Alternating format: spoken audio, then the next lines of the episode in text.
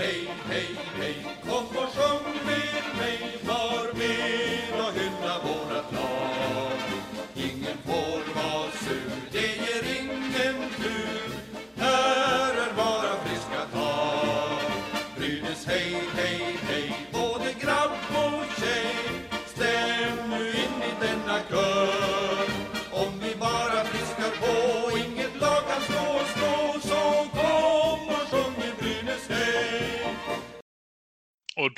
hälsar vi välkomna till ett nytt avsnitt av Brynäspodden.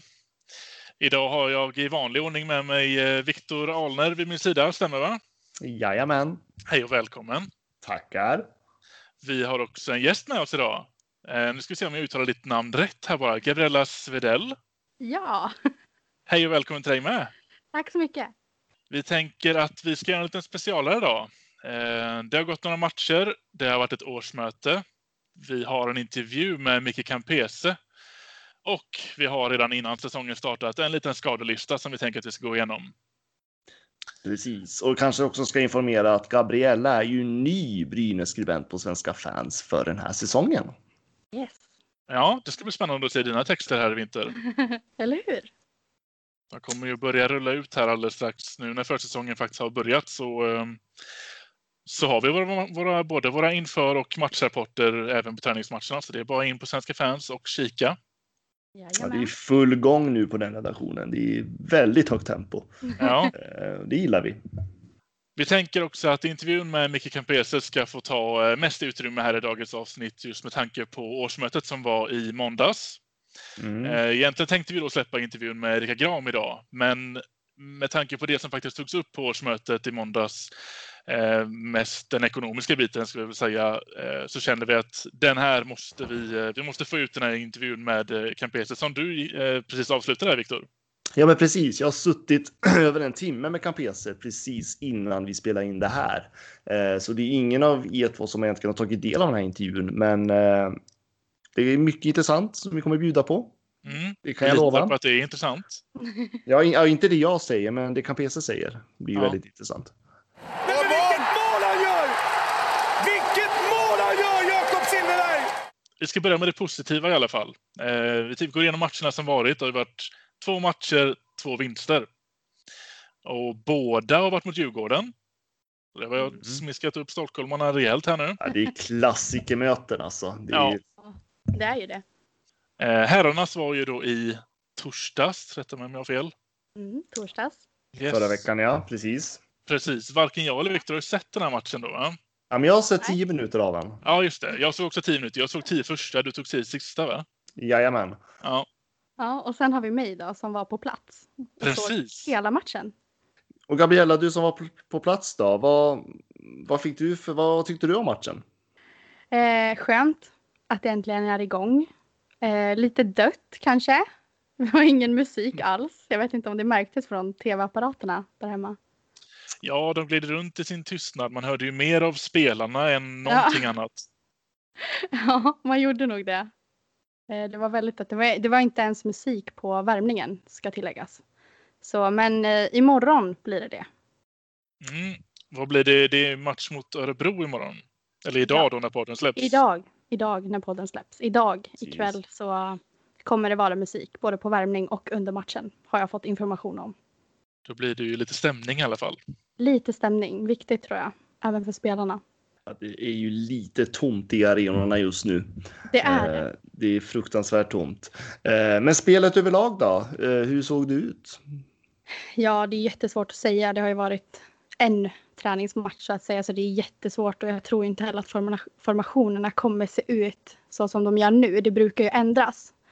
Eh, så, men jag tycker ändå det var intressant att se, speciellt eh, att vi fick till två mål i powerplay och det, de visar ju ändå en hunger ute på isen, det gör de, trots att det ändå var, får man säga, dött i arenan. Mm. Precis. Och då, du har ju följt Brynäs lite närmare än vad vi har gjort, Gabriella. För du berättade ju för oss innan inspelningen här att Brynäs hade för första gången börjat träna på lite special teams strax innan den matchen. Precis, det var samma förmiddag.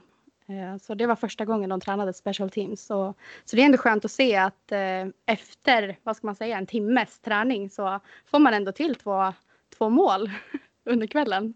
Mm. Så det är roligt att se.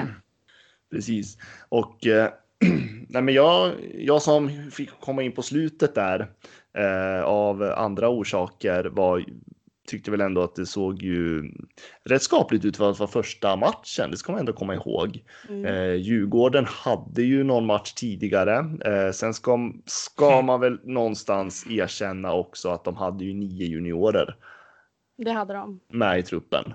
Ja. Eh, som jag vet att eh, internt inom Djurgårdens kretsar så tycker ju fansen att det har varit lite tråkigt naturligtvis, för det är ju inte det här laget Djurgården kommer ställa upp med sen. Eh, men samtidigt är det ju ändå häftigt att juniorer får spela på den här nivån. Eh, men det var Brynäs första match och det finns väl kanske inte så mycket att säga egentligen. Nej, egentligen inte. En vinst är en vinst. En vinst är en vinst. Ja, men lite så, för det är så här alla förstår att, eller de flesta förstår i alla fall att det går in, alltså en försäsong är alltid en försäsong och eh, det är egentligen ingenting under en försäsong som talar för exakt hur det kommer gå i vinter och absolut inte en första match. Då ser jag mer fram emot matcherna som komma skall. Ja. Eh. För då har Brynäs tränat lite mer och eh, ja, Det blir även lite intensivare nu. Det är, nu är det ju Skåda Trophy vi går in i nästa vecka, eller denna veckan. Och då blir det lite, lite mer tävlingsmatcher men, men ändå lite uppvärmning. Så precis, det som de som komma skall är nog, kommer nog säga lite mer än den eh, som var. Mm. Under årsmötet som var så gick även en dammatch också det mot Djurgården då. Det blev ju 3-0. det var lite synd att den gick samtidigt som årsmötet Ja. måste jag säga. Mm. Men jag gissar på att eh, det inte fanns så mycket val där. Eh, ja, men fortsätt Fredrik. Ja, nej, antagligen inte. Vi får utgå från att de gjorde vad de kunde för, att vi fans ska kunna se båda delarna. Men nu blev det så här. 3-0 till, till Brynäs, vilket då fortsatt innebär att det står 13-0 i målskillnad på de här två matcherna damerna har spelat. Mm. Ja, det är helt, Helt fantastiskt. Helt otroligt. helt otroligt. Ja. De det är fortsätter mata, in, eh, mata in mål. Stadler gjorde inga mål dock. Det Nej. lade jag märke till. Mrazova har ju fått igång målproduktionen. Härligt. Eh, ja, men det är bra. Alltså, i, på något, någonstans kan jag tycka det är bra när de här som man alla förväntar sig ska göra mål inte gör mål och andra spelare kliver fram. Mm. Det tycker jag är sundhetstecken. Ja, verkligen. Eh, men nu var det ju ingen av oss vad jag förstår som såg den matchen. Det var ju ett årsmöte där eh, som i alla fall jag prioriterade före. Mm. Mm. Så det var ju lite synd. Hade gärna sett den där matchen. Mm. Ja, precis. Det hade jag också ännu gjort. Men, eh, Mm. men det var ett intressant årsmöte. Jag tänker vi kan ta det om en liten stund. Ehm, Det finns då, det är lite liknande här matchen där att det finns inte jättemycket att se. Nu blir det andra, eller säga om det, det är ju andra matchen för damerna. Eh, det är nog lite liknande där att det som komma skall när vi ser att det börjar fastna i, i formationerna, då kan man utvärdera det lite mer. Men det handlar nog mer om att få igång eh, istiden lite på allesammans och bli lite matchvana. Nu har han gjort flest mål i en SM-finalserie i ett SM-slutspel genom tiderna. Men vilket mål han gör! Men sen har vi ju, jag tänker, är vi klara där? Eller? Jag tänker att vi kan vara det med matcherna som varit i alla fall. Ja, för att vi har ju lite tråkigare att prata om också. Precis. Det finns ju redan en liten, liten skadelista. Mm. Vi, eh, den kan ju nästan Gabriella få ta. Det känns som att du har bäst koll på den. Har jag koll på den? Ja, det tror jag. Eh, ja, jo, eh, Josef Ingman har ju haft en eh, muskelbristning, men han är på is nu igen. Vet inte om han kommer till spel ikväll då. Men eh, han, han är på is, så att det går framåt. Får se, han behöver säkert lite mer isträning innan de kastar in honom. Får se, vänta och se hur Peter gör där. Eh, Anton, han blir ju borta lite längre. Han missar då hela försäsongen är det sagt nu för att han har då börjat fått problem med eh, den andra foten. Samma problem som han hade med den här som han nyss har fått en specialgjord skridsko till. Mm. Just det. Ja. Det är Så då- otroligt. Jättetråkigt att det skulle behöva bli så. Och sen var det väl också Samuel, Samuel Asklöv. då, vad jag förstår, som Ja. inte har varit på isens. Han har varit på is. Ja. Eh, han var med när laget gick på is. Eh, men sen dess så har han inte varit med på ispassen då som de har. Jättetråkigt. verkligen. Vet vi om han kör uh, gymmet i alla fall eller är han helt borträknad nu? Kan inte säga helt hundra. Nej. Har sett honom i arenan så att han har nog någon slags rehabträning med Ågren. Alltså det är så synd för när det gäller Asklöv så för det första in, alltså innan skadan så han var ju han ändå i ett läge där att det fanns väldigt mycket att bevisa för honom. Mm. Eh, och eh, konkurrensen har ju liksom inte blivit lättare den här säsongen. Anton Rudin är ju sjukt tråkigt för han är ju en spelare som ska leda det här laget både på isen och på sidan av isen. Eh, nu har man inte gått ut med lagkaptenerna än, men man antar ju att Rudin kommer ju bli någon form av kapten i alla fall. Och ja, just att den, ja, och just att den andra foten börjar krångla. Mm. Ja. Alltså, alltså, man blir så här. Jag vet inte, jag bara gav en så här äh, lång suck när jag läste det där. Uh, det är så tråkigt, men jag hoppas att det går att lösa snabbt att han är tillbaka. Ja, till spel när säsongen börjar i så fall. Mm, säsongspremiären då. Uh, ja, men precis och att uh, på något sätt att han kan ändå fortsätta träna i olika former trots den där foten då på sidan mm. av det blir lite tråkigt att om han, eller såklart vi vill ha tillbaka honom så fort som möjligt, men frågan är vilken typ av Redin det är vi kommer se om säsongspremiären kommer vara hans första match. Mm. Alltså han är ju så pass skicklig och smart spelare så jag tror att det kommer inte göra så mycket. Eh, kanske de första matcherna, men sen är Rudin tillbaka. Ja, vi får hoppas på det i alla fall.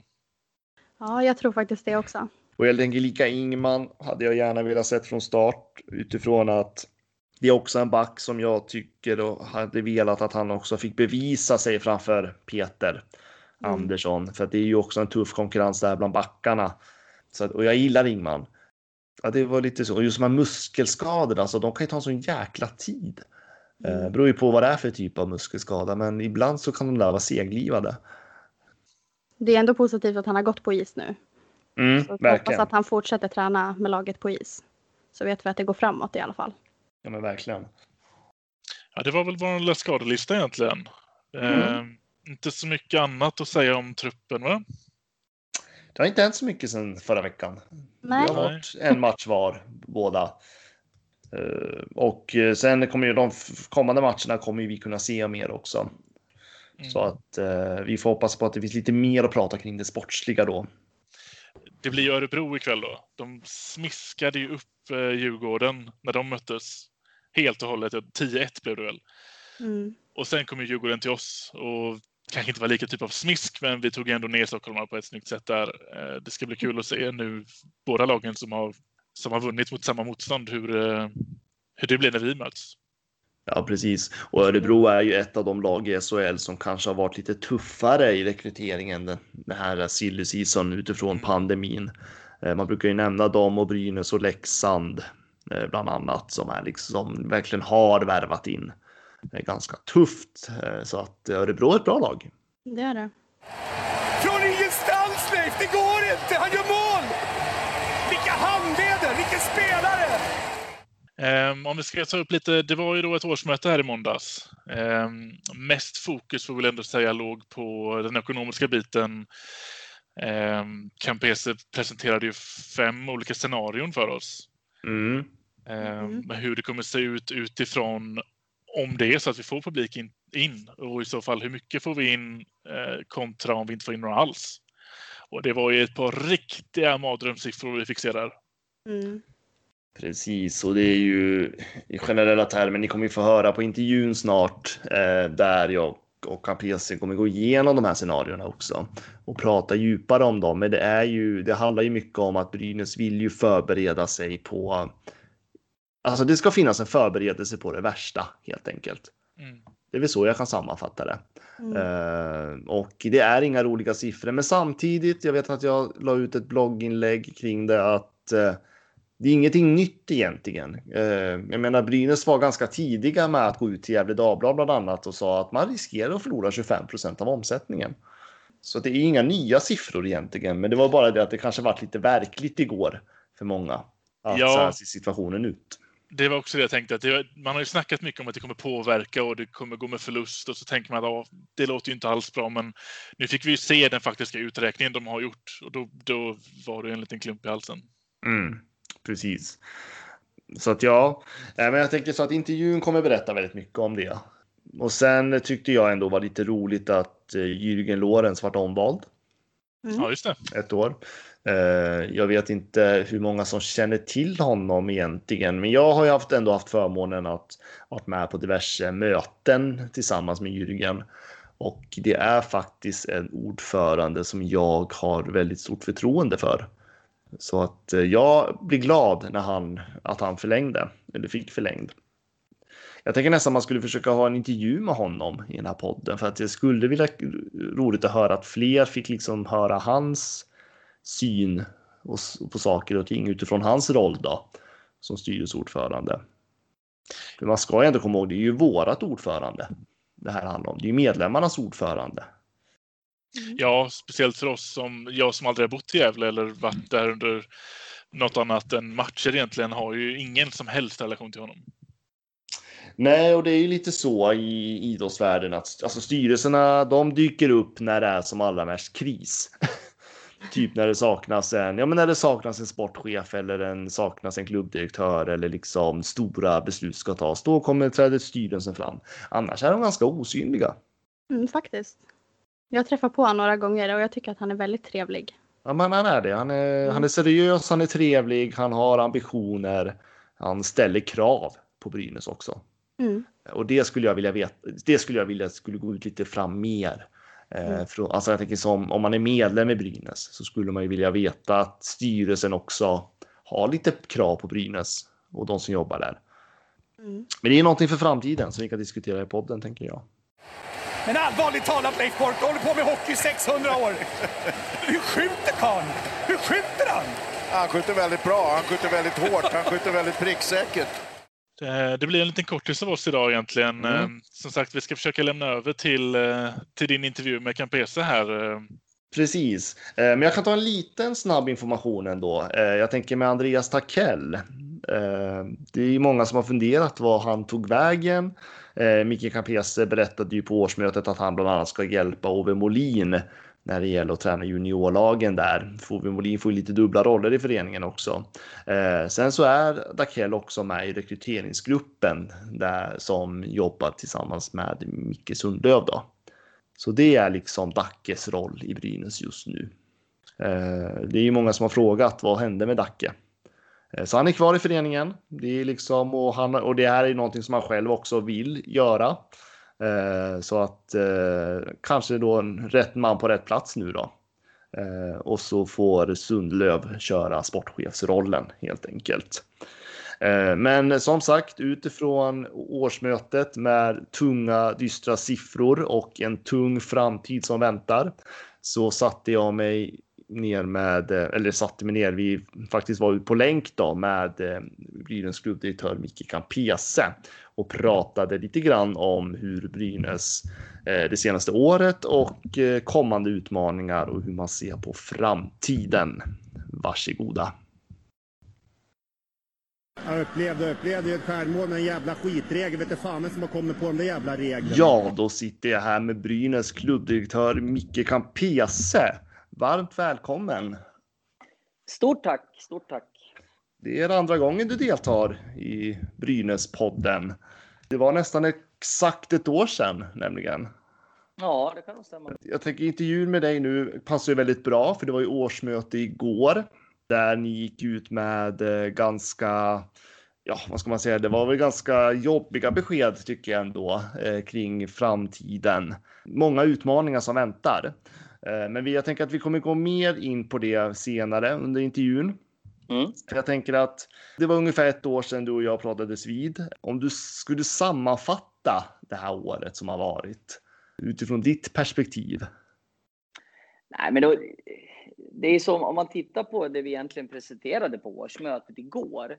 Så mm. har ju vi gått framåt egentligen i alla delar utom här hockeyn och det är vi ju fullt medvetna om. Och det är ju ingenting som man önskar på något sätt, utan vi hade ju hoppats att vi skulle ha varit längre fram. Så det, det är ju ingen som sitter och skyddar sig det på något sätt och definitivt inte jag.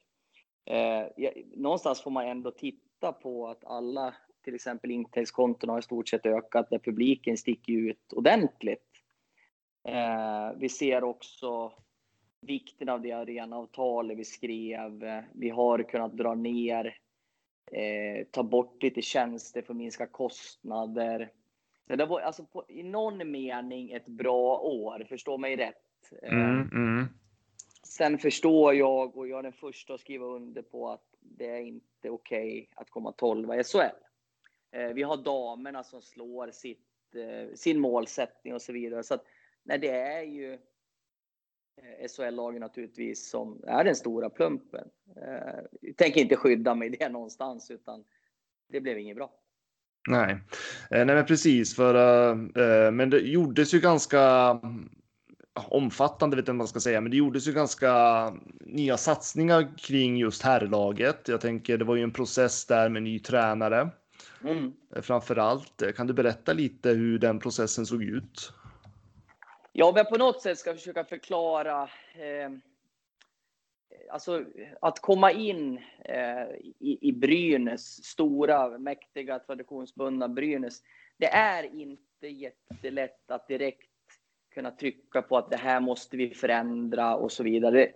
Man, man kan tycka att det borde vara mycket lättare att bara förändra saker och det här borde man ha sett och så vidare. Jag har respekt för det. Samtidigt så är det ju så att man sitter i någonting och man har avtal med både spelare och ledare och personal och allt vad det kan vara. Det, det finns sådana saker att ta hänsyn till också. Om jag på något sätt ska säga sig, en förändringsresa är, är lång. Det var ett väldigt uppvaknande, inte minst för mig själv, eh, där jag har ju alltid sagt att jag är inte för att sparka folk. Det är jag fortfarande inte. Eh, Mm. Jag har varit med och tagit bort många hittills. Eh, Det är inte bara herrtränare utan jag var med och tog bo- bort Åke Liljebjörn och det är massa olika scenarion som har varit. Mm. Eh, Men det jag tror blev uppvaknande för oss alla eh, när vi fick ta Magnus och, och göra om lite med Dacke och sådana bitar, det var ju liksom att nu går inte det här något mer. Vi måste se över våra processer. Eh, Vi är ganska skickliga på våra processer när vi rekryterar på den andra sidan av Brynäs, som jag säger, på tjänstemannasidan. Mm. Mm. Eh, jag tycker att idrotten generellt gör det ganska enkelt för sig när man eh, rekryterar tränare, ledare, vad det nu kan vara. Så vi bestämde ju där att nu ska vi göra det här på riktigt och så kanske inte så många har gjort. Jag vet att Malmö FF är skickliga när de gör sina processer, men det vi beslutade var att eh, vi ska ha ett antal kandidater eh, och av dem ska vi träffa minst tre stycken och, och prata med. Och vi ska ha fem stycken från organisationen, eh, styrelse, jag, sporten eh, och sen efter det så ska man då göra en djupintervju med ett rekryteringsbolag i Stockholm som heter Novare som har specialiserats på idrott. Eh, och man gör tre tester dessutom. Mm. Och djupintervju på det. Sen så får alla deltagarna som har träffat kandidaterna ta del av vad Novare i det här fallet har fått fram. Eh, Vi pratar inte med varandra emellan. Eh, Sen går vi samman och så de tre kandidaterna vi hade så konstaterade vi att en hoppade av för han tyckte att det var en för lång process. Mm. Då fick eh, vissa hos oss lite panik. Där jag kände så här, nej då är det fel person. Om den inte vill genomgå den här processen med Brynäs och ta det så pass seriöst, då ska den inte heller vara en slutkandidat. Eh, det Peter visade där var ju att det jag tyckte var den stora grejen med Peter, för när jag hörde hans namn från början, och det har jag sagt i, i media, jag skojar lite med Peter om det också, att nej, nej, nej var min bild. Eh, Men efter eh, vi har varit ner till Malmö och träffat Peter, jag hade långa samtal med honom allihopa så och vi fick eh, svaren från testerna. Det, det han säger håller. Eh, det Novare bedömde utifrån eh, djupintervjun var att han står för det han har sagt att han är och så vidare. Då. Eh, man gör det lite, lite enklare så utan att Mm. dyka ner alldeles för långt. Då, då eh, började ju han att ställa liksom, motfrågor. Han ville inte bara ha ett jobb, liksom. utan han Mm. ställde ju oss på prov. Och då tyckte jag liksom att, och det sa eh, ja, men personligen då så tyckte jag så här, det här är ju spännande. Va? För han sa så att jag vill ha med mig folk utifrån. Jag har pratat med andra som har varit i Brynäs. Eh, ni säger att ni vill bryta kulturer. Jag vet att du Micke då till mig, att du utifrån. Eh, Men jag vill ha med mig en stab. Mm. Och det gillade jag personligen. Jag vet att Sundlöv gillade liksom att bra. Eh, så Peter blev självklar till slut. Mm. Eh, Och han sa bara, han tyckte det var oerhört professionellt. Han hade aldrig hört i alla fall i hockey-Sverige då att man har gjort en sån här process. Ja, precis. Eh, och eh, den här staben som han ville ha, jag gissar på att det är ju Stråle och de här som han hade önskat då till Brynäs. Ja, Eh, så var det. och Anton Hansson och sen ville han ha Anton. Holmqvist. ja, men precis. Mm. Men jag tänker just på Stråle. Rätta mig om jag har fel nu, men han hade väl kontrakt med Frölunda där. Ja. Men det är lite annorlunda med tränar, tränarnas kontrakt än spelarna vad jag förstår. Mm. Som gör det möjligt att han kunde hoppa över till Brynäs då. Det är ingen hemlighet. Vi betalade en, eh, en liten summa för att kunna bryta, men han ville därifrån. Så att eh, all heder till Frölunda som kände att han och, och sambon ville lämna. De Mm. trivdes inte i stan och så vidare. Sen naturligtvis så har vi kompenserat lite grann för att vi ska kunna få honom. Och det tycker jag liksom är kutym på något sätt. Mm. Jag förstår. Eh, För att jag menar, precis som du sa tidigare, Brynäs slutade ju 12 förra säsongen. Eh, om jag inte missminner mig nu så var det väl den sämsta sportsliga säsongen på 12 år. Mm. Eh, nu får någon korrigera mig om jag har fel där. Och om, för det är många som har hört av sig till mig och tycker att man ska prata om den här treårsplanen som är satt om, Mm. man, om man fokuserar på det sportsliga nu då. Mm. Där man tänker att ju på här sidan nu då ska väl förtydligas att eh, Mm. man, man har ju misslyckats där i och med att man inte nådde kvartsfinal. Mm. Eh, men hur tänker man då från Brynäs sida? Blir det något, alltså omvärderar man det här nu på något vis eller hur? Vart står man någonstans nu i den här processen? För, för, trio, för nu är vi ju snart på halva tiden på den här tioårsplanen. Ja, absolut. Och det är en högst relevant fråga. Eh, och den var ju uppe igår på årsmötet också. Självklart så ska ju Peter få vara med och titta på det. För att vi, vi ska heller inte bara påtvinga honom det. Sen har ju Peter uttryckligen sagt att eh, när han fick de här tillskotten också, liksom att eh, det finns inte så mycket att skylla på. Eh, sen ska vi ha respekt för att vi ska ta oss från tolfte plats. Eh, men man, om man jag vill ändå inte gå ut och säga att vi ska revidera det innan vi har liksom verkligen satt det. För att det Peter också har infört är ju ett antal tester. Eh, Jag är en människa som vill få bevis på saker, liksom att är vi bäst tränade eller inte? Eh, ibland så har vi gått på väldigt mycket känsla. Eh, jo, men vi är bra tränade. Ja, fast om jag pratar för mig själv då så kan väl jag känna att det kanske jag inte tycker att jag har sett. Mm. Eh, och, och någonstans har jag människor emellan mig, så att vi har ju också processat fram vad vi behöver för att säkerställa att vi är bra tränade eller vad det nu kan tänkas vara. Eh, så jag tror inte att vi kommer att, om du frågar mig idag Viktor, så tror jag inte att vi kommer revidera det massor. Eh, utan försöka på något sätt ge det chansen. Men jag vill inte gå förbi Sundlöv och Peter, det gör jag inte. Eh, på inget sätt. Så det jag vill säga där är att jag sitter inte själv och hittar på vad Brynäs ska uppnå och inte. Eh, Det kommer jag aldrig att göra. Det finns ingen anledning till det, utan självklart så pratar jag med de som är ansvariga. Eh, Mm. Det måste jag göra, för dessutom, jag har aldrig spelat ishockey.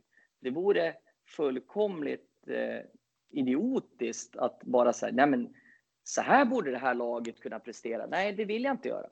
Så att nu sitter vi med ansvariga. Behöver vi revidera ett år, då kommer vi också att berätta det och då kommer vi stå för det.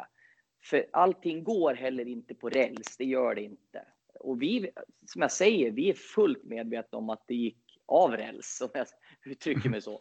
Mm. Eh, Så inte rädd att stå upp för att säga att med den konstellationen som nu vill vi, vi vill bygga på lång sikt så anser vi att då gör vi det.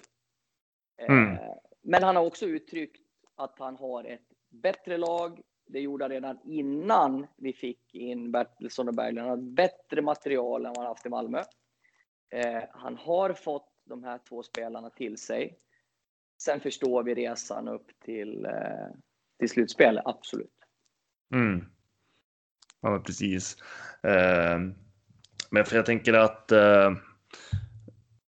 För det är ju väldigt, jag tänker vi kommer gå in på Bertilsson och Bernhard senare också i intervjun Mm. tänker jag absolut. Eh, för jag tänker damlaget, precis som du säger, där gjorde man ju nästan bättre än vad Mm. liksom målsättningen var. Mm. Eh, och nu hoppas ju många på att man tar nästa steg där. Eh, Mm. det är ju en liten förändring på tränarsidan där. Mm. Eh, ni tog ju upp Filip Eriksson eller Lillpalle som jag kallar honom Mm. för. Är det någon, har du varit in, inne i den processen också på något vis? Kring men alltså, Henrik Glas jag- och...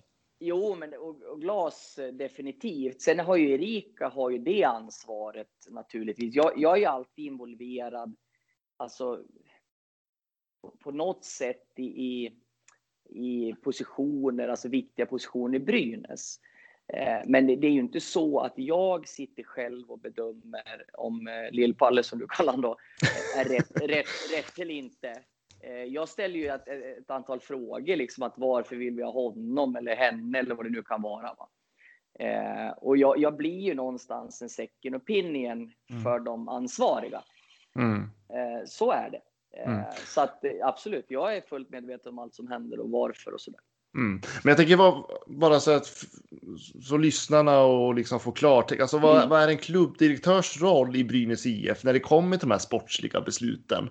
Eh, för att det, det är precis som du säger, det sitter ju de här ansvariga som kan de här frågor, sportsliga frågorna och liksom är, Mm. som är ja, experter på området så att säga. Mm, mm. Eh, och har mycket ansvar. Men vad är liksom din roll i det? När man tänker de här sportsliga besluten som ska tas? Ja, men de sportsliga besluten, de handlar ju mer om att, Eh, som jag säger då, eh, tunga positioner eh, på ledarsidan eller personalsidan vill veta varför vi rekryterar den här människan. Vad ser vi den människan? Kan vi utveckla den? Vad behöver göras? Sen är det att skapa förutsättningar. Jag jobbar ju genom ledningsgruppen. Jag är ju aldrig liksom nere på isen. Sen är det så här att jag kan absolut få en fråga eh, där de i sporten och kanske bedömer att jag har hållit på med idrott hela mitt liv. Eh, många olika sporter. Så jag får ju ofta frågor liksom. Ja, anses väl ha ett hyfsat idrottsöga då, eller vad jag ska säga. Mm. Eh, med, med allt och människor som jag har jobbat med och mot och så vidare. Så att jag kan absolut få en fråga av Sundlöv eh, där han säger så här. Du, kom in och titta på det här filmklippet. Vad ser du? För du är inte hockeynörd. Eh, då säger jag så här, ja men vad fan, ser lite stel ut kan jag säga. Alltså så. Ja, Mm. bra, för det såg jag också. Sen om jag sätter mig inte och säger till Micke, där får du inte värva. Såklart, skulle jag aldrig göra, utan då går jag förbi honom på här sidan eller Erika, liksom, om hon vill ha stöttning och, och så vidare. Va? Så att jag funderar liksom aldrig på, de måste få göra sitt jobb, för det är också mitt sätt att kunna bedöma deras arbete. Mm. Eh, Men sen är det ju liksom att det är de ekonomiska förutsättningarna att stötta dem i sitt arbete. Och absolut utifrån ledarskapsfrågor. Eh, Som jag sa, kanske någon sån här överblick bara liksom att vad, vad ser du i rörelsemönster hos den här spelaren? För, för det kan jag se med de sporter jag hållit på med tidigare, så om det ser stelt ut eller inte. Så jag, jag ger mig inte så jag mer in djupare än så liksom. Om inte Micke säger så här, du, vad ser du där man mot man? Ja, Men då säger jag det. Men jag har ju ingen avgörande röst i de frågorna och ska inte Nej. ha. Ska inte ha. Mm. Ja, Jag förstår. Eh, för jag tänker att för ett år sedan så pratade vi ganska mycket om damlagets situation. Eh, det Mm. hade hänt väldigt mycket under det året eh, Mm. sen du hade klivit in. Eh, hur upplever du att situationen ser ut nu och liksom vad, vad, vad ser du att liksom, vad är framtidens utmaningar just på damsidan? Nej, men de, det finns egentligen två delar skulle jag säga. Dels så är det ju att eh, öka intresset. Och då menar jag både publikt och eh, att spela ishockey. Mm. För att det, det är för mycket, med all respekt, så det, det är för mycket utlänningar om jag säger så, då, eh, som kommer utifrån och, och spelar i liga. Och vi vill ju vara självförsörjande även där. Men vi behöver ju naturligtvis skapa en bättre ekonomi eh, kring damerna så att, vi, så att det bär sig fullt ut. Idag bär det sig. Men ska vi göra dem mer professionella så klarar vi inte det nu. Det gör vi inte. Nej. Eh, nej, men för, för ni har ju, har ju startat någon flickverksamhet nu som Mm. jag, vad jag förstod, gick igång i, nu i veckan eller ska gå igång. Mm. Ehm, så, och eh, du nämnde ju också igår på årsmötet att eh, Brynäs ungdom då har ju ökat antal spelare och mycket är ju beroende på tjej flickverksamheten. Ja. Eh, liksom. Märker ni, finns det något samarbete? För ni har ju ett samarbete med Sandvikens IF Mm. vet jag när det gäller Mm. damsidan. Mm. Eh, och sen, alltså, men är det något övergripande samarbete kring klubbarna i Gästrikland kring det här? För det finns ju fler flicklag så att säga. Alltså, vi försöker ju skapa, vi, man får önska, eh, och visionen är ju att, nu menar inte jag att Gästrike-modellen inte kanske ska ses över och göras om, för det kanske ska. Jag säger inte att allting är ristat i sten och att det ska fortsätta se ut så för pojkar också. Eh, Mm. Men vi, vi önskar ju att skapa en liknande modell. Sen om det kan se ut så eller inte, men, men någonstans så börjar det också med att vi själva eh, har en verksamhet som är fungerande. Och den börjar ju bli det. Eh, vi har profiler, vi har ledare nu, vi har flickor som spelar. Så att Erika jobbar ju hela tiden för eh, att liksom den utvecklingen och att den ska bli bredare naturligtvis. Mm. Ja, precis. Eh, och det här är ju rätt nystartat, så det är ju liksom en process man får följa då på sidan om. Eh, Ja, för det var, vi kan väl säga så, vi kan väl säga så Viktor, att vi var väl egentligen på ruta noll Mm. eh, när Erika kom. Så att det har ju gått väldigt, väldigt fort. Och man ska ju ha respekt för, man brukar ju säga växtverk, va? Att man, jag har ju sagt det liksom att de ligger ju före sina mål både på om man säger flicksidan damsidan nu. Eller de, vi gör ju det. Mm. Och man ska inte heller stressa på, va? utan på, dam, på damerna till exempel, står ju semifinal i år och det nådde de förra året. Så det, det är ju inget misslyckande att spela semi i år, va? utan det gäller ju att hinna med. Mm. Eh, och det kan du väl vända lite grann till här sidan att vi har inte riktigt hunnit med eh, omvärlden och oss själva där. Nu känner jag liksom i den änden, precis som för damerna, att vi, vi börjar komma ikapp oss själva på något sätt. Va? Och, och det, därför så vi kan heller inte stressa fram saker för det finns en risk att det kollapsar. Va? Eh, Ja. så, så kopplat till damerna så liksom jobba på eh, kontinuerligt och, och smart och bra och få med så många som möjligt, både klubbar, föreningar, företag och så vidare, så att vi, vi har en hållbar verksamhet. där. Mm, ja men precis. Eh, och jag tänker, precis som du säger, just på damsidan så ligger man ju väldigt bra till kring den här treårsplanen och, Mm. och, eh, och på här sidan så ja, det behövs göras lite grann där. Eh, men du, du nämnde i, för ett år sedan i alla fall att eh, ja, men inom tre år så behöver Brynäs ligga någonstans runt 200 miljoner i omsättning. Mm. Eh, att det var ju en målsättning då. då. Mm. Eh, men eh, på den tiden, höll jag på att säga, så fanns det ju ingen tanke på någon pandemi heller. Nej, Eh, det ska ju tilläggas. Och Ja. det är ju någonting som jag tänker de här, med de här målsättningarna som är lagt, liksom att min spontana känsla är att det kommer ju liksom bli ganska hårt påverkad eh, utifrån planen som ni har. Eh, och eh, vi kommer gå in på det för att igår så på årsmötet så, så hade för ni har ju räknat ut fem olika scenarion Mm. eh, kring eh, publiken bland annat då Mm. eh, och hur det skulle påverka ekonomin. Eh, där första scenariot var ju att om 50% av publiken då så var det ju någonstans på cirka 14 miljoner i förlust. Mm. Eh, och ja, scenario två så var det 300 års, 1000 åskådare och då var det minus 21 miljoner. Mm. Mm. Eh, och scenario 3 var ju 2000 åskådare och då hamnar man på minus 28 miljoner och så blir det bara värre och värre. Och, och, Ja. scenario, och femte scenariot då, då som är väl det värsta scenariot då. Eh, och det är väl vad jag förstår nuvarande läge då med 50 åskådare. Mm. Då skulle man ligga på minus 41 miljoner kronor då. Mm. Vilket är vad jag förstår ungefär 25 procent av Brynäs omsättning. Mm. Eh, och, eh, och ni har ju då liksom tänkt ut en del, en scenario av det här som ni Mm. förbereder på om jag tolkade dig rätt igår. Mm. Mm. Kan du berätta lite kring det här? Hur man resonerar inom Brynäs IF?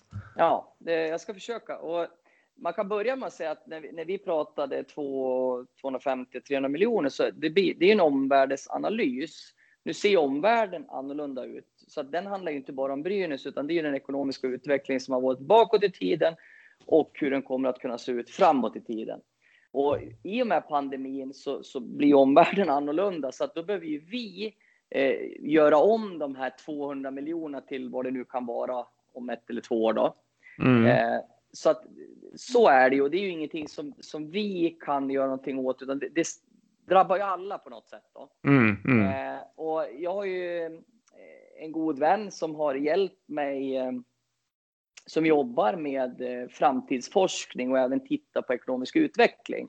Så att jag har ju pratat med honom nu också utifrån att vad tror vi är, om pandemin någonstans stannar, vad, vad, ser vi? För någonstans blir det ju ekonomisk utväxling hur man än vänder och vrider i, i kriser. Så det blir ju någonting, det är bara att utgångsläget förändras.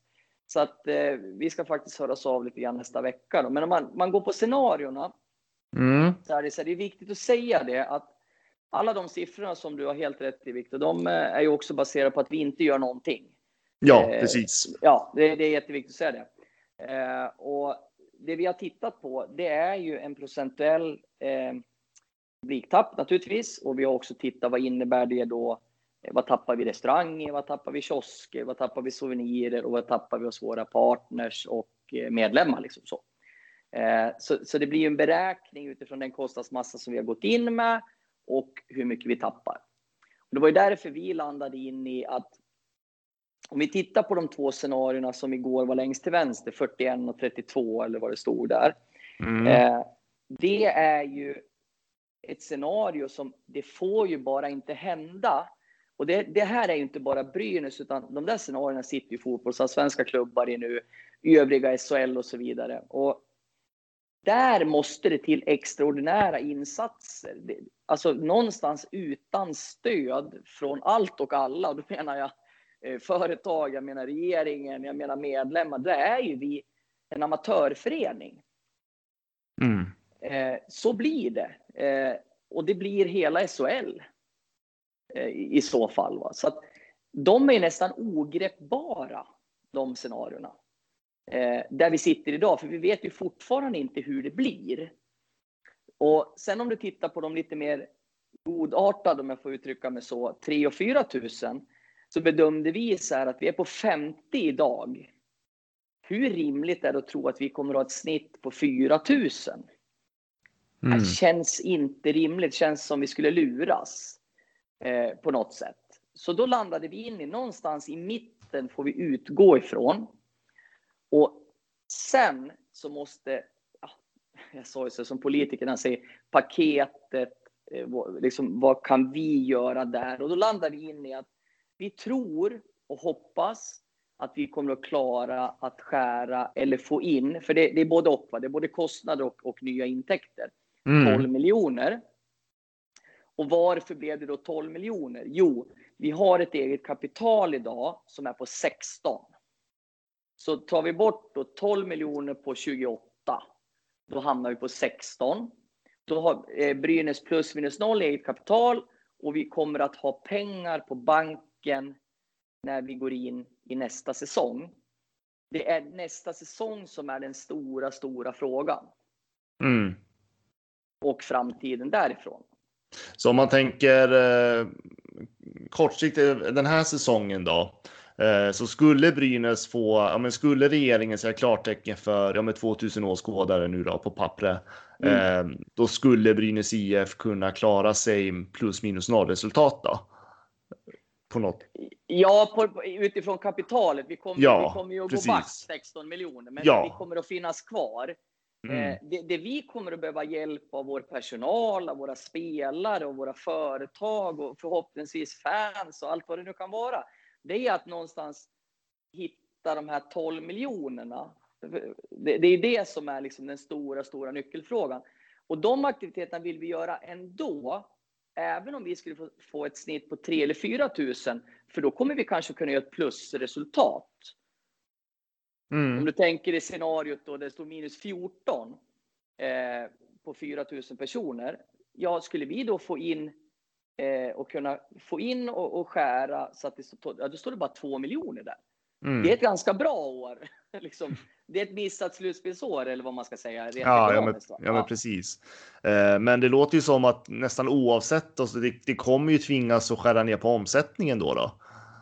Ja, som det är nu så, så är det absolut. För när man mm. tittar också på intäktsströmmarna så är det ju väldigt, väldigt få intäktsströmmar och så som inte baserar på att vi har publik i arenan. Just det. Det är ju, det är ju då våra huvudpartners som de har också en bäring på det, men de, de är med ändå om jag säger så. Men många, du vet, de äter i restauranger, de har sina loger. Eh, vi säljer ut 48 loger om året. Liksom. De har sina skyltar. Det är väldigt, väldigt mycket kopplat till eh, arenan, matchen och så vidare.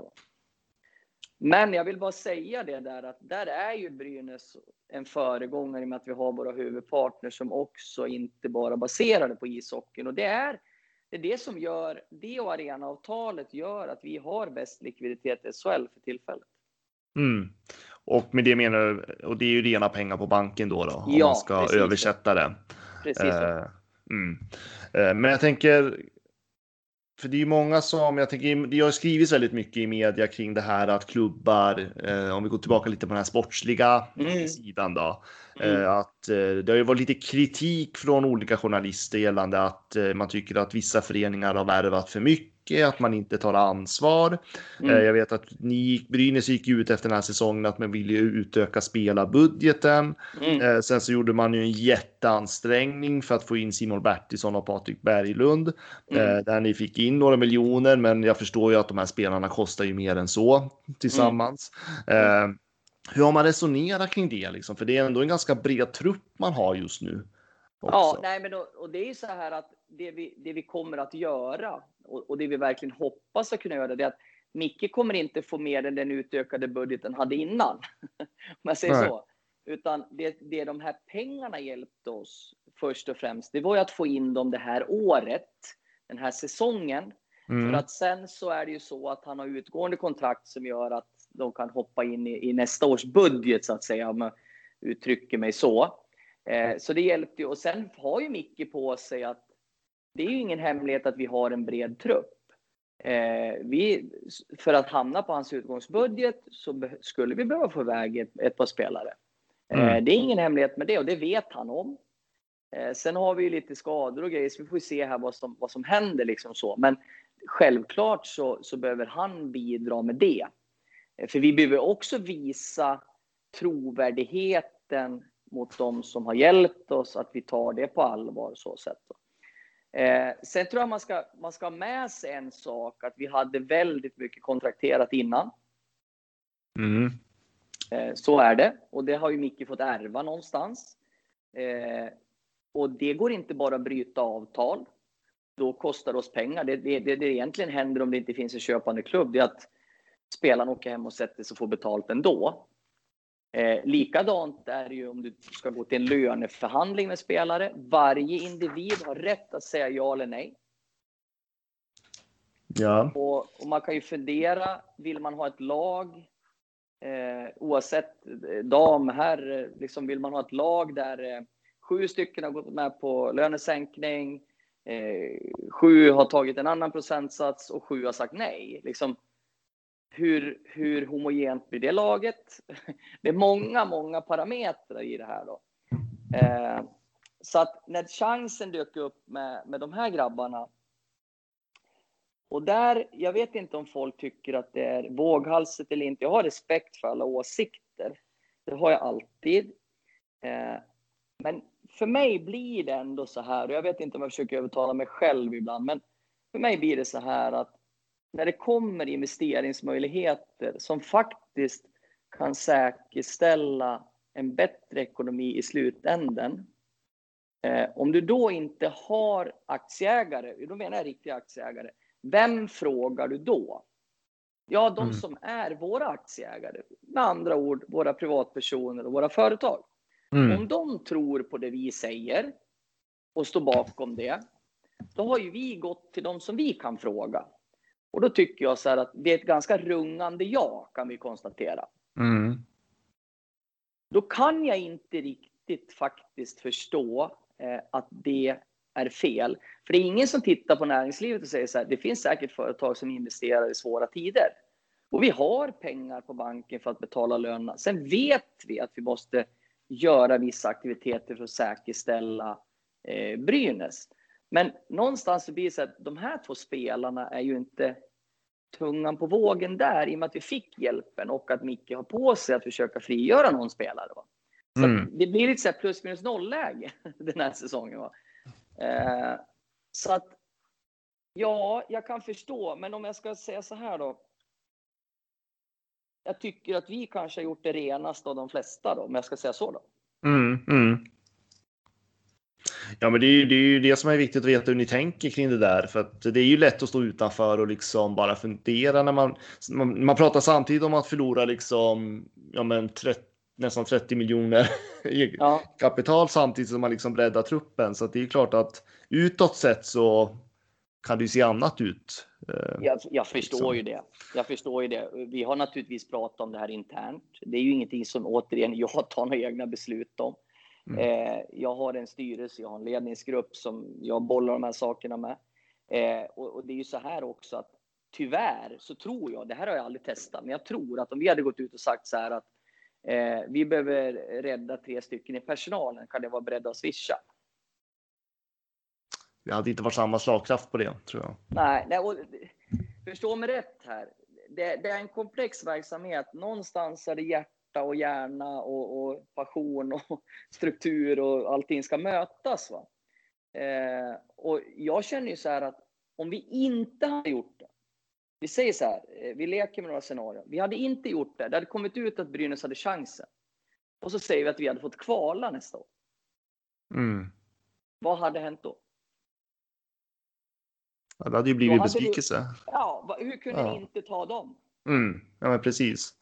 För det tappet är ju precis lika stort ekonomiskt som det vi pratar om nu, att åka ner i allsvenskan till exempel. Mm. Och jag menar, det tänker inte jag vara med sig till att Brynäs gör. Då får någon gärna tycka att jag har tagit ett konstigt beslut istället. Eh, tillsammans med de som jag har runt mig. Då. Mm. För det är det någonstans man måste väga liksom i den, hela den här potten på något vis. Ja, men precis. För jag tänker, Brynäs äger ju sin arena. Mm. Eh, och om jag inte missminner mig nu så är det ju HV71 och Färjestad i SHL som också gör det. Och det är väl bara Och, tre. och, och Leksand också. Och Leksand också. Ja, fyra föreningar då. Ja. Eh, jag tänker när i de här tiderna liksom att är det någon skillnad att äga sin arena? Alltså blir det, är det positivt eller är det negativt eller gör det någon skillnad om man, om man jämför med andra föreningar som inte äger sina arenor? Det är alltid positivt att äga sin arena. Eh, det kan aldrig bli något dåligt, skulle jag säga. Mm. Eh, för du har alltid någonting du kan belåna, för det första. Det finns ett reellt värde i någonting. Mm. Eh, det finns någonting att ta på. Eh, här idag när jag pratar med dig, så nej, jag förstår att Frölunda tycker det är skönt att inte äga Skandinavien just idag. Mm. Men en, om jag ska säga så här, för att bara ge ett exempel på en extra extraordinär insats för att rädda Brynäs existens. Mm. Så skulle vi kunna kalla till ett extra... Nu, nu spekulerar vi. Jag vill bara Mm. stryka under det. Nu spekulerar vi.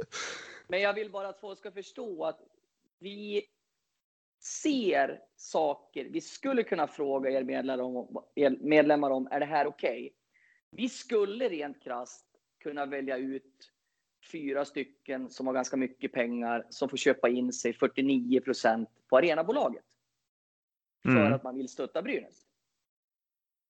Den möjligheten finns och det är den sista, sista, sista utvägen. Men vi, är, alltså vi har ju fortfarande 51 procent som vi ska ha i Sverige. Va? Mm. Men, Ja, men den har ju inte, eh, Frölunda det här, har ju inte den möjligheten. De har ju ingenting reellt att ta på på det sättet. Nej. Så det är också en säkerhet. Men jag menar, det jag säger nu, jag vill stryka under det återigen, att nej, vi tänker inte göra det. Men för att rädda Brynäs, då kommer vi behöva ställa den frågan, säkerligen. Och då menar jag scenariot eh, 40-50 miljoner. Va? Är du med? Mm. Ja, jag förstår. Ja. Så, att, eh, så jag tycker, eh, som kommer från en stad där man inte äger någonting, att det är ju en ynnest att äga arenan. Mm. Ehm, ja, för jag tänker det här med publikfrågan, för det är ju en jätte, jätteviktig fråga rent ekonomiskt. Eh, det Mm. tror jag nog att alla har förstått. Eh, Mm. För bara en spontan känsla som kommer i mig nu när jag lyssnar på dig, det är ju liksom, det är ju, alltså det är ju nästan omöjligt att planera det här. Eh, så länge man inte får klara besked. För jag tänker det kan ju vara, ja men som det är idag då, 50 åskådare eller vad man säger Mm. fram till oktober och där kanske de höjer lite grann med, ja, vi leker med tanken tusen åskådare. Sen kanske de höjer ytterligare i december eller minskar liksom. Det måste ju vara jättesvårt att planera det här. Ja, jag sa väl det igår att jag vet ju egentligen inget mer än vad du vet Viktor, mer än att hur vi räknar och så vidare. Ja. Men, men det är klart att det är så att, men det blir ju så här någonstans att jag kan inte gå ont i magen här utan jag måste ju någonstans gå till handling och liksom försöka få med mig det här gänget liksom i det vi behöver göra och, och på, på något sätt solidariskt tillsammans för att visa er att ja, men ledningsgruppen förstår att vi måste bidra. Liksom, jag vill ju få med alla i det här. Va? Det är alla våra Brynäs och vår arbetsplats, vi som har förmånen till det. Eh, så att jag tror ju också att man kan inte bara prata om spelare, utan man måste liksom se över alltihopa på, på något sätt. Liksom mm. så. Eh, det blir lite en för alla, alla för en. Eh, för det är, det är också det som idrotten bygger på mångt och mycket. Sen vill jag bara säga så här, det, det, det vi också sa igår var ju att vi räknar ju inte med man säger centrala stöd, alltså regeringen, utan vi vill ju kunna visa att vi kan göra så mycket som möjligt själva. Mm. Eh, det är klart att skulle det vara 50 procent eller 50 personer så har vi ju ett jätteproblem, i alla fall i fyra serier kan vi säga, där vi har alla elitföreningar i fotboll och hockey är i konkurs. I mångt och mycket. Jag ska inte, mm. för jag har inte stenkoll på alla, men i mångt och mycket. Det är också så att en förening som Brynäs genererar ungefär 55 miljoner skatteintäkter. Mm. Det är per år? Då. Ja, ja. ja, Det är en bransch idag. Eh, det är ett, en mötesplats för hela vår region. Det kommer folk utifrån.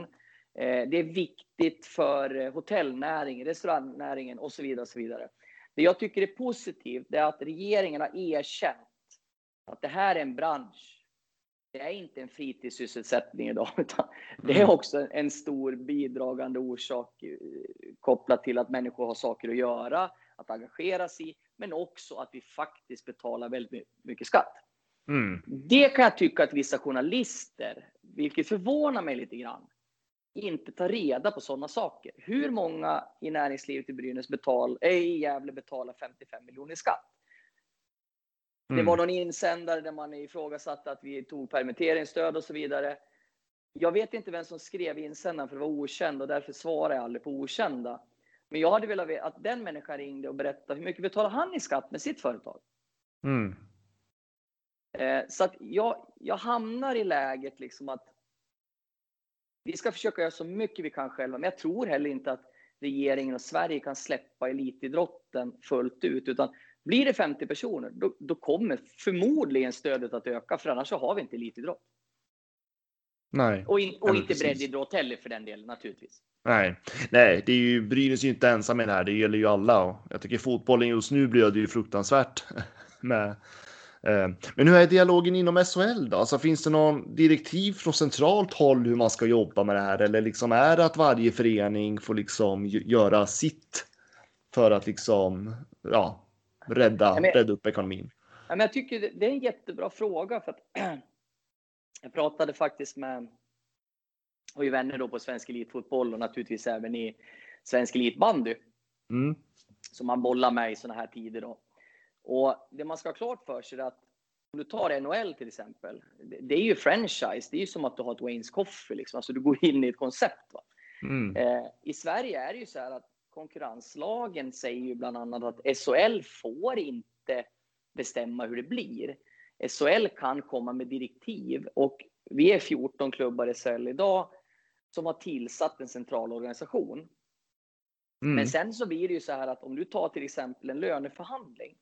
Det hamnar ju på lokal nivå eh, naturligtvis.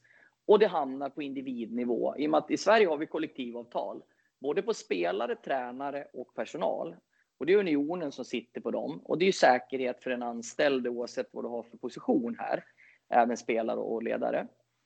Det innefattar att vi kan inte bara eh, göra precis hur vi vill. Eh, men det, det det handlar om det är för Brynäs att sätta sig med sin personal. Sen har vi diskuterat gemensamt i SHL riktlinjer hur vi ska hantera corona. Eh, en är ju som är uppe nu, det är ju ska vi flytta fram eh, seriestarten och så vidare. Va? Där finns det direktiv, för där samlar ju liksom eh, SHL upp vad Simor säger till exempel och så vidare. Va? Men det är klart att allting blir nästan ett röstningsförfarande. Mm. I stort sett i varje fråga. Så vi får, brukar ju få så här, tre, fyra förslag från SHL. För att det inte ska vara fullkomlig kalabalik va, så brukar ju de komma med, gör vi så här då blir det så, eh, tar vi förslag två blir det så här, tar vi förslag tre blir det så här. Eh, Och, och vi är helt unika som föreningar och det märker man. Och det kan man titta på, jag som har varit i tre sporter nu har haft förmånen att vara det. Alla sina konstellationer, oavsett hur, hur mycket man omsätter, så är det samma utmaningar. Eh, jag skojade, ringde en, en gammal bandykollega idag som var antagonist på den tiden eh, och frågade sig, finns det någon, han heter Jonas då, finns det någon Jonas SHL? Ja, jag vet precis vem det är. Och jag vet vem Micke Campes är, liksom, och jag vet vem Robban i Bollnäs är. Alltså, vi ser ungefär likadana ut i idrottssverige. Mm. Eh, och där blir ju vi, vi kommer med olika ingång.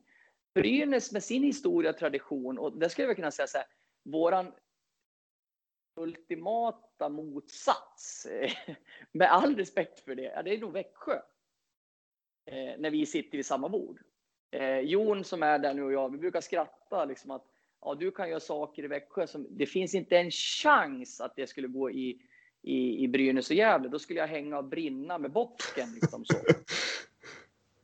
Och de här människorna ska ju mötas av de här föreningarna med sina värdegrunder, sin historia, sin tradition och så vidare. Så det är ett väldigt, väldigt komplext arbete. Men när vi väl lyckas hitta vägar så är det också kraft i det. Mm. Jag förstår. Eh, men det, det, är alltså en, det är en, jag tolkar det som att det är liksom en eh, pågående dialog också inom SL då. Eh, ja, kring hur man, ständigt. För, för där man, tänker man väl också ut alla möjliga scenarion och just den här diskussionen om seriestart och så vidare. Men en fråga som jag fick med mig till dig ja. var bland annat det här med, för många pratar ju om liksom så att ja, men spelare tjänar ju så mycket idag, kan inte de sänka lönerna? Eh, jag vet att du nämnde någonting om det igår på årsmötet också. För, för jag förstår så finns det vissa regelverk kring det där då. Eh, att eh, det går inte att göra hur mycket som helst där, stämmer det? Ja, nej, och jag kommer ju till det att det unika avtalet äger ju spelaren och alltså spelaren och Brynäs sitter i en förhandling. Och för att ge ett exempel så eh, ja, egentligen några, några aspekter om jag bara får sväva ut lite grann. Mm. Eh, dels så, så är det ju så att om du tänker så här att Brynäs, vi, vi säger x procent ska vi skära i en spelarlön. En spelare som är kontrakterad för Brynäs kanske ett eller två år till har nog lättare att göra det än den som har ett utgående kontrakt. För varför mm. ska den göra det? För den vet ju inte vad den har för jobb nästa år. Det är en aspekt att väva mm. in. Va? Eh, jag kan ha respekt för den eh, på ett sätt. Samtidigt som jag tycker att solidaritet och föreningsliv liksom hänger ihop så kan jag ha respekt för det, för det är deras yrke. Eh, sen tycker jag ibland att vi landar på de här som tjänar absolut bäst. Mm. Vi ska veta också att det är de som inte tjänar speciellt bra. För att Eh, vi, vi säger så här, vi har en spelare som tjänar 60 000. Det är en jättebra lön. Det är mm. ingen som säger någonting om det. Men vederbörande har en karriär på 6, 6 8 år kanske, vad vet jag. Eh, mm. Där den kan ha någon sån lön. Dessutom så har den förmodligen en fru eller sambo som inte kan jobba. Mm. Eh, de har väldigt svårt att hinna med att plugga. Sen kan man diskutera, jag tycker att spelare ska ta tag i sådana saker ändå, men det är liksom en annan fråga. Vad är det som säger att den klarar av det rent att överleva. Jag säger inte, de kanske har köpt hus och de kanske får sälja sitt hus, precis som du och jag skulle behöva göra och så vidare. Och det mm. gör de säkert, men de har en väldigt kort period. De här som tjänar väldigt bra, det är ju någonstans inte deras fel heller att det har funnits en marknad som har betalat. Eh, mm. Däremot så kan jag säga så här att de som tjänar bra hos oss har ju också långa kontrakt och jag tror inte att det är något problem att få dem att hjälpa till. Nej, Men jag kan ha respekt för den lägre lön, utgående kontrakt och så vidare. Så att bara förstå det att vi kan inte, vi får inte bara gå in och, och kapa. Liksom. Vi, vi kan inte göra så. Nej. Uh, samtidigt så tänker jag att alla förstår ju situationen också. Uh, ja, både spelare, ja. ledare, vi fans, ja, uh, media. Alltså det är ju liksom alla förstår ju att det blir ju tuffare läge framåt. Ja. Eh, men alltså hur, för det är ju liksom under dagen här så har man ju fått kontakt med många supportrar mm. och fans från mm. olika håll och liksom det finns ju en oro ute i landet liksom mm. hur Brynäs IF kommer liksom gå, klara det här. Eh, det, hur, hur oroliga ska vi vara? Alltså finns det konkurshot i det här längre fram eller vad?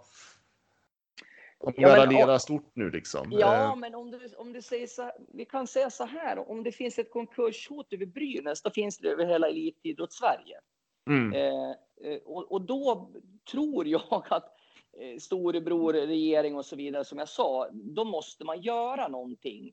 Och, och jag är inte rädd för att jag kommer ju sätta våran ekonomichef nu liksom på att han kommer inte få göra något annat än att följa utveckling och räkna liksom hela tiden.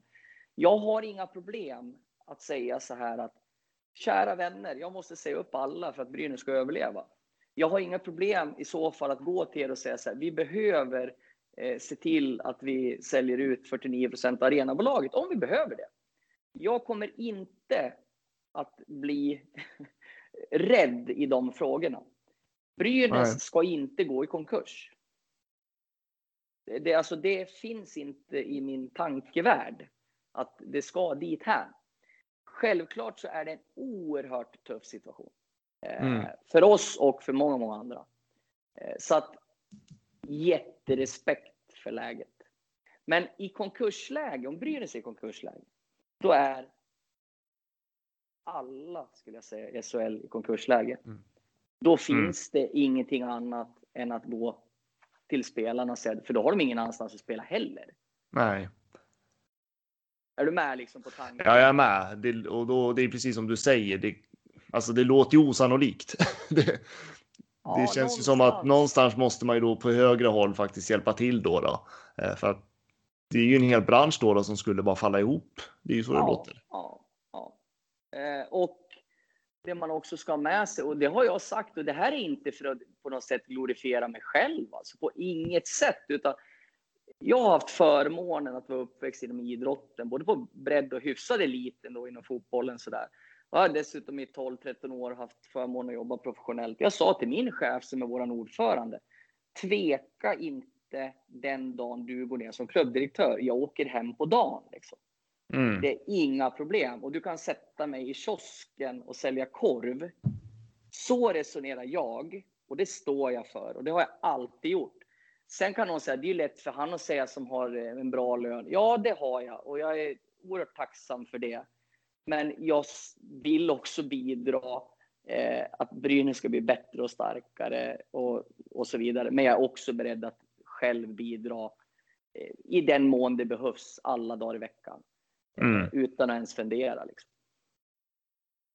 Precis. Så det finns åtgärder att göra. Och det, det förstår alla att jag är högst betalda tjänsteman. Om vår styrelse bedömer att vi har inte råd med det. Nej, jag kommer aldrig liksom slåss för den saken, utan då förstår jag det. För där är jag så att en idrottsförening av Brynäs dignitet, här sitter man inte av hävd eller så. Här sitter man för att man får förmånen och det ska man göra med stolthet och försöka göra så gott jobb som möjligt. Eh, Så det, det är min inställning till det. Sen ska man ha klart för sig att det här är en koncern idag. Eh, Jag är född och uppvuxen i idrottsmyllan på något sätt. Älskar ju idrotten. eh, på alla sätt och vis. Älskar föreningar som står för det Brynäs gör med historia och tradition. Eh, Men det- finns ju också de som är anställda här där det är ett jobb. Mm.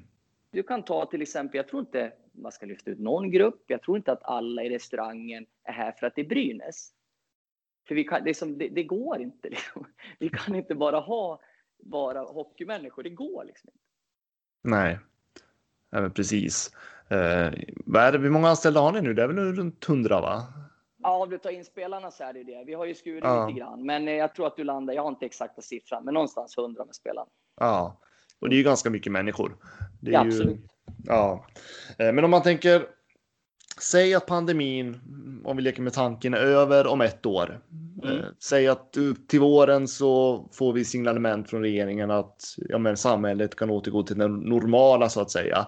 Mm. Eh, Jag vet inte om det här är en svår fråga att svara på, men hur snabbt skulle, alltså skulle Brynäs kunna återhämta sig efter en sån här tid? Där har du ju en jättespännande grej och nu kommer jag väl någonstans tillbaks till att stärka upp herrlaget då, där jag sa att man behöver ibland investera i, i sämre tider. Eh, de här 16 miljonerna hårt förvärvade, surt förvärvade som Brynäs har slitit med. Eh, Mm. Det vet vi också att är vi, kan vi behålla de andra, alltså plocka tillbaks de andra intäktsströmmarna och vi blir bättre bättre på ishockey på här sidan, för så är det just nu det, och det vet vi allihopa. Mm. Då är det ju också så här att vi är tillbaks relativt snabbt då, för vi har pengar på banken för Mm. att betala och få, kunna fortsätta utveckla oss. va. Eh, så det, det, det är klart att därför vågar jag också säga så här. Förstå mig rätt om jag säger tvungen, men när chansen dök upp med Berglund och Bertilsson, så här, vi måste ta den. Va? För vi måste tro på framtiden också.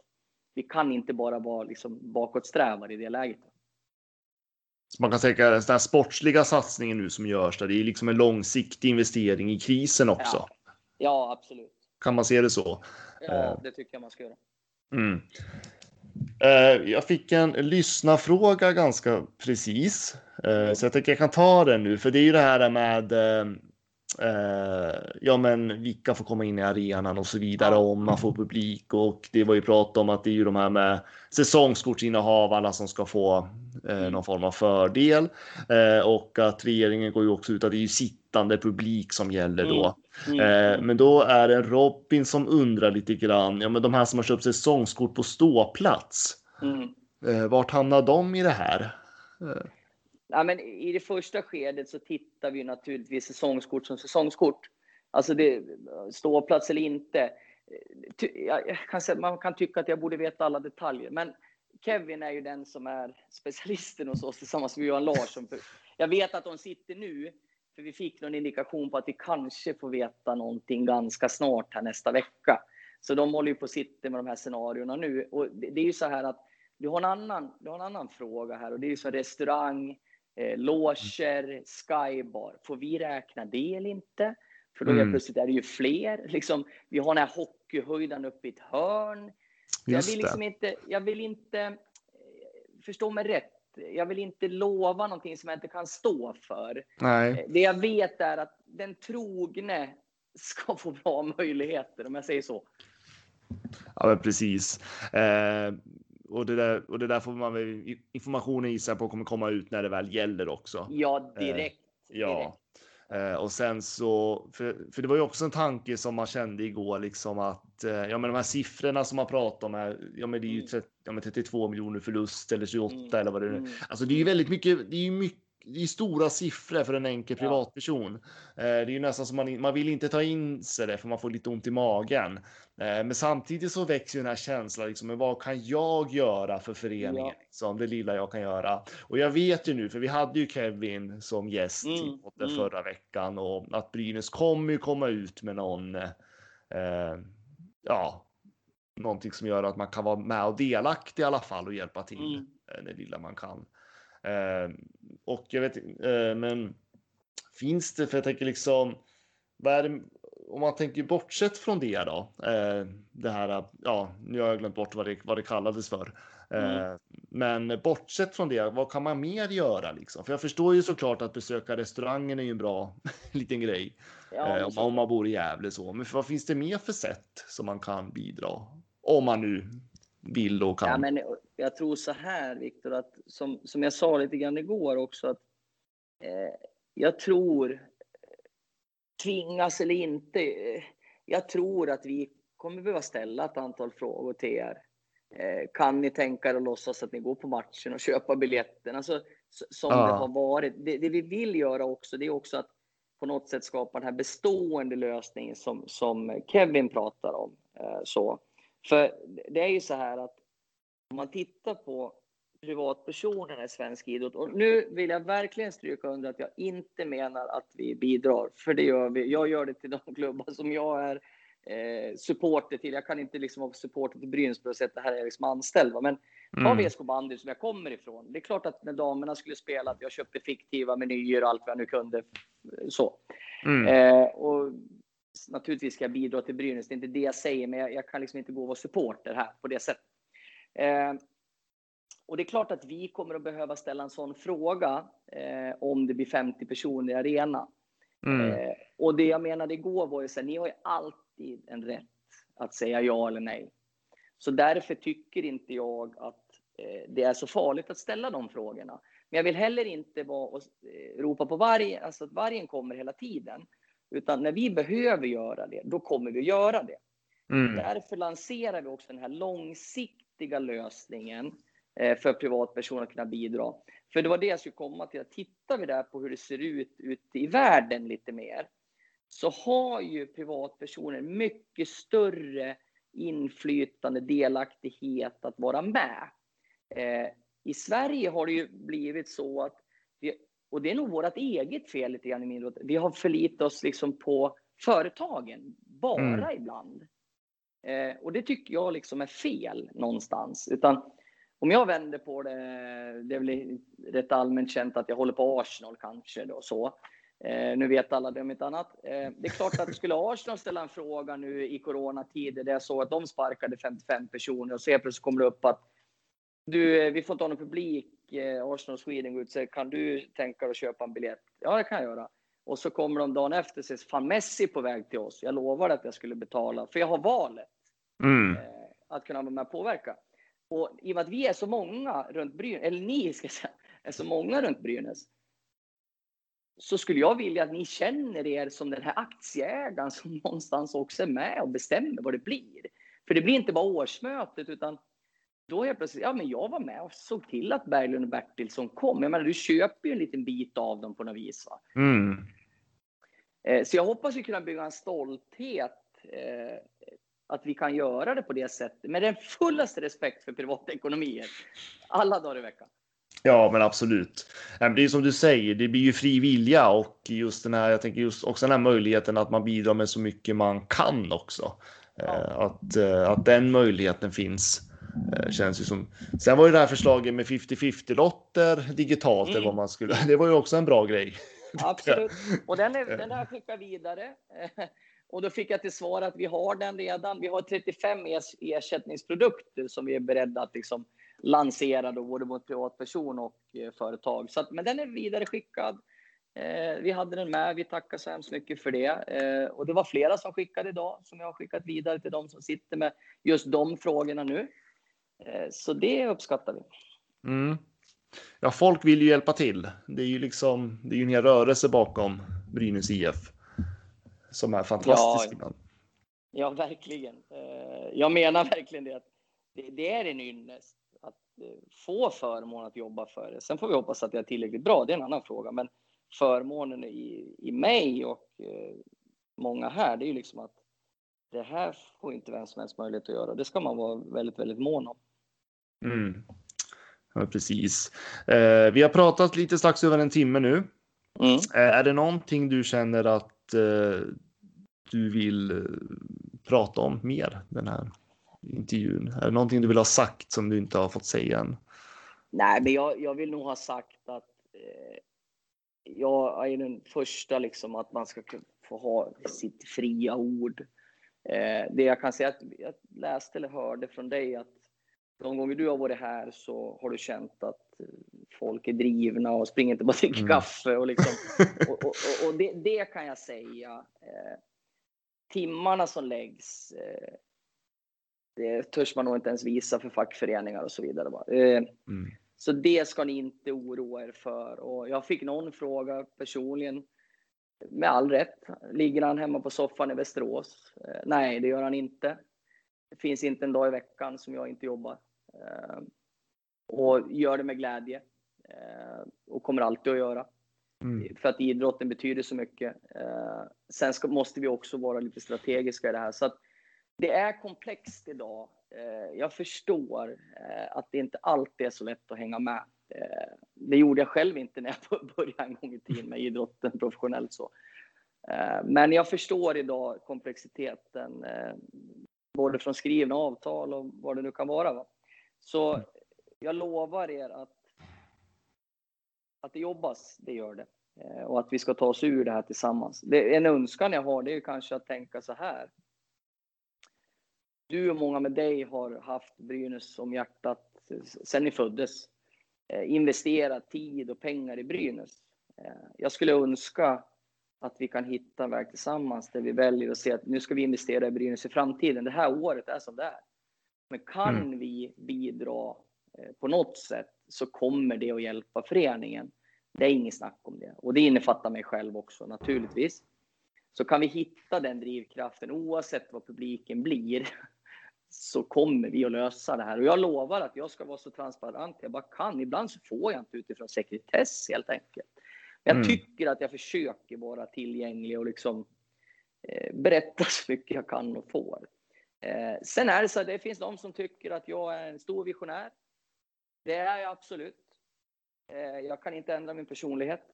Jag kommer alltid vara framåtlutad. Eh, jag kommer ibland att få stå ut med att journalister skriver om våra beslut och så vidare. Mm. Eh, det är vad jag bedömer att jag kan bidra med. Eh, jag har lyckats tillsammans med dem jag har jobbat med tidigare att vara så. så att då får någon säga att jag är för dålig och då, då är jag inte kvar. Men, men vi behöver bli lite offensiva i Brynäs. Och det tycker jag också var roligt med. Vi markerar lite också med att ni markerade att Brynäs vill inte vara tolva. Därför ser vi till att lösa de här spelarna nu Mm. för att liksom ta oss uppåt. Va? Vi har varit lite passiva och sånt där sprider sig. Det blir osäkerhet när man inte riktigt lyckas. Va? Men jag vill ju att vi ska bära det här märket med en stolthet och framåtanda. Liksom så. Och det tar lite tid när man är lite naggad i kanten, för det är vi. Mm. Det är inget snack om det. Va? Vi, jag fick jobba rätt hårt för att vi skulle ringa till Berglund redan förra året liksom, och säga att vi var intresserade. Va?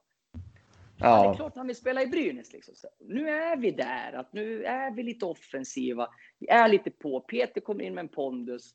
De här nya människorna som kommer in, kommer in med pondus. Och det gör att vi får med de som har varit här länge. Vi är på väg. Vi är på väg. Mm. Eh, och, och det vill jag bara förmedla, liksom att hjälp oss om du kan, eh, så ska vi liksom investera i Brynäs i framtiden. Och vi kommer göra allt vi kan här eh, uppe på Sätra Åsen. Liksom. Det är inget snack om det. Mm. Ja, det finns ju en tid bara efter pandemin också. Eh, och det är Ja. den vi ser fram emot just nu. Ja, Eh, så det gäller att vi klarar att Brynäs klarar sig så bra som möjligt tills dess. Då då. Eh, men eh, jag tackar så jättemycket Micke för att du ville ställa upp på den här intervjun. Så får vi se så kanske du kan komma tillbaka till podden senare under säsongen. När man kanske har lite mer klartecken kring hur läget kommer att se ut. Absolut. Och jag tackar så mycket för att jag var, får vara med. Och jag, återigen, jag, jag gör det jättegärna. Eh, Du, du får ringa många gånger du vill, tänkte jag säga. Eh, Jag försöker ställa upp så mycket jag bara kan och det är en självklarhet. Så att det är inga konstigheter alls. Jag är tacksam att få vara med. Jätteroligt att höra. Ja, då får jag tacka så jättemycket och så på återseende då. Detsamma. Ha det gott. Nej, det är för dåligt. De tog bort den för många år sedan. Så ska de tillbaka med skiten.